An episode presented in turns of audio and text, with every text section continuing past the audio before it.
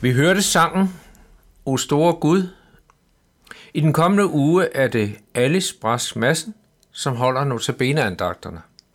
Jeg, Henning Gorte, har Alice her i studiet og benytter anledning til at præsentere Alice. Velkommen, Alice. Tak for det. Og tak, fordi du påtager dig at holde disse andagter. Ja. Nu plejer vi jo her at spørge lidt ind til, hvad man laver. Og så læste jeg jo i Vindinge Kirkeblad fra 2014, det kan man læse på nettet, mm. der kunne jeg læse, at du efter 25 år som organist har valgt at stoppe som organist. Men du er vel ikke stoppet med at spille? Nej, det er jeg ikke. Og det kan man heller ikke bare lige slippe, når man har haft noget, man har været glad for i rigtig mange år. Så er det ikke noget, man bare lige stopper med. Nej. Øh, jeg får ikke spillet så meget orgel, men jeg spiller meget klaver. Og jeg, øh, jeg spiller øh, i vores kirke. Vi kommer i Osted, der spiller jeg til gudstjenesterne og, og er, er, er med til det ja, men det er ikke, organ, det er ikke på orgel? Det er ikke på orgel, det er på Nej. klaver. Ja. ja. Så orgel får jeg ikke spillet så meget, men klaver gør jeg, og det ja. synes jeg er rigtig fedt. Det... Ja, men man slipper vel ikke sådan lige det der med at spille? Nej, det gør man ikke. Det er der heller ingen grund til. Nej, så... Øhm, du har også en anden side, så du har nemlig en uddannelse, både som organist, men du er også uddannet sygeplejerske. Mm. Og øhm, hvilken retning er det, du ja. Dyrker inden for sygepleje? Ja, altså jeg har jo også været øh, på børneuddelingen rigtig, rigtig mange år, men så skiftede jeg her for to år siden, så skiftede jeg til hospice i øh, Roskilde. Ja. Øh, 3 kroner. Og der har jeg så været her i lidt over to år, og jeg er meget glad for at være det. Det var en stor, et stort skift, men alligevel synes jeg, at det giver meget at være sådan et sted, hvor, hvor der er tid og rum til at, at kunne være med patienter, som, som er i en svær situation, som ved, de skal dø, og, øh, og kunne følge øh, patienterne og på den måde være med til ja. at, at, at skabe glæde og håb. Ja. Men det virker som, du har valgt ligesom to yderpunkter i livet, ikke? Mm. Den børneafdeling mm. og så hospice, som ja. jo typisk er de sidste tid inden. Men alligevel er der døden. mange ting, der sådan er ens, fordi altså, når der er noget med ens barn, som forældre er man jo meget påvirket og i krise. Ja. Øh, og lige så vel er det, når man øh, er ved, at man engang skal, eller at man snart skal dø, fordi man ja. har en sygdom, som ja. ikke kan, ja. man ikke kan blive rask af, så er det også at være i krise. Men selvfølgelig er det jo alligevel to forskellige øh, måder at være sygeplejerske på. Ja. Alice, når man nu sidder sammen med dig, så skal man jo ikke være ret lang tid sammen med dig, før man opdager, at du er meget engageret i det, du beskæftiger dig med. Øhm, og, og du har mange ting, du, du beskæftiger dig med. Mm. Man kan godt spørge, er der nogen hemmelighed ved, at du både kan nå at passe familie, du har passet sygepleje, du har været organist, du har været menighedsliv og mange andre ting?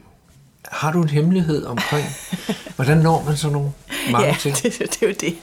Ja, hvordan når man det? Nogle gange så virker det også lidt uoverskueligt, men så synes jeg, når så man står i det, så, så synes jeg egentlig, at, øh, at så går det okay. Jeg kan godt mærke, at jeg bliver også nødt til at, at tænke på, at jeg ikke er 25 mere. Men jeg gør alt, hvad jeg kan for at være med i det arbejde, som, som giver glæde. Det at være med i et arbejde, det giver også glæde på mange, mange måder. Selvom det øh, kan være et slid nogle gange, så, så synes jeg alligevel, at det at kaste sig ud i nogle ting, det gør, at man får overskud og, og styrke til, øh, til de udfordringer, ja, der er. og nå tingene også. Ja, ja. ikke mindst. nu er det jo ikke alle, der har det som dig, men, men uh, det er dejligt at høre, at, at du er sådan engageret omkring de ting, du beskæftiger dig med. Det lyser jo ud af dig, og jeg håber også, at lytteren kan ligesom høre det, at du er meget engageret.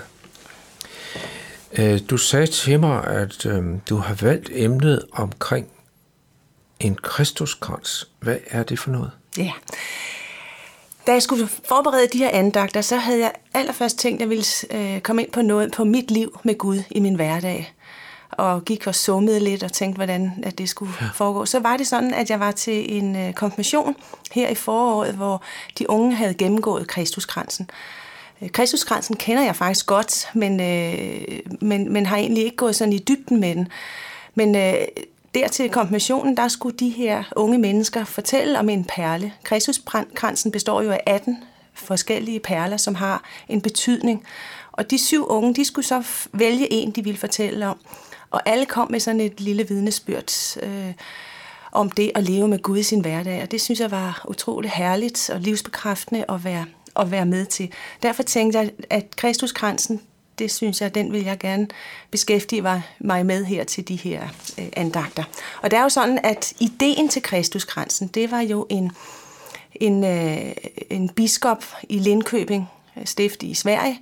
Han hedder Martin Lønebo. Og, øh, og det var ham, der sådan fik ideen til Kristuskransen. Og man kan egentlig sammenligne Kristuskransen med sådan en redningskrans. Ja. Altså når vi kaster en redningskrans ud, hvis til en, der er ved at drukne, så er det jo egentlig en livline, så man ikke drukner. Og på samme måde så har Kristuskransen den, øh, altså man kan forestille sig Kristuskransen som en livline til mit liv med Gud. Det kan være en hjælp og opmuntring til at leve mit liv med Gud i hver dag. Der er 18 perler i den her krans, og de er forskellige alle sammen. Forskellige farver, og nogle er korte, og nogle er lange, og store og små. Øh, men alle har en særlig betydning.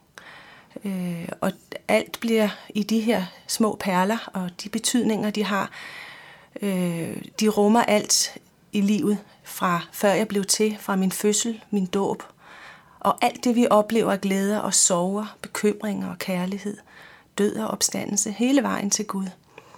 Og jeg synes egentlig, det er så herligt med sådan en krans med de her perler, fordi det er sådan noget håndgribeligt. Øh, jeg kan have den om mit håndled, jeg kan have den i min lomme, jeg kan have den på mit bord, og jeg kan blive mindet om det flere gange i løbet af dagen. Og det tror jeg er rigtig godt.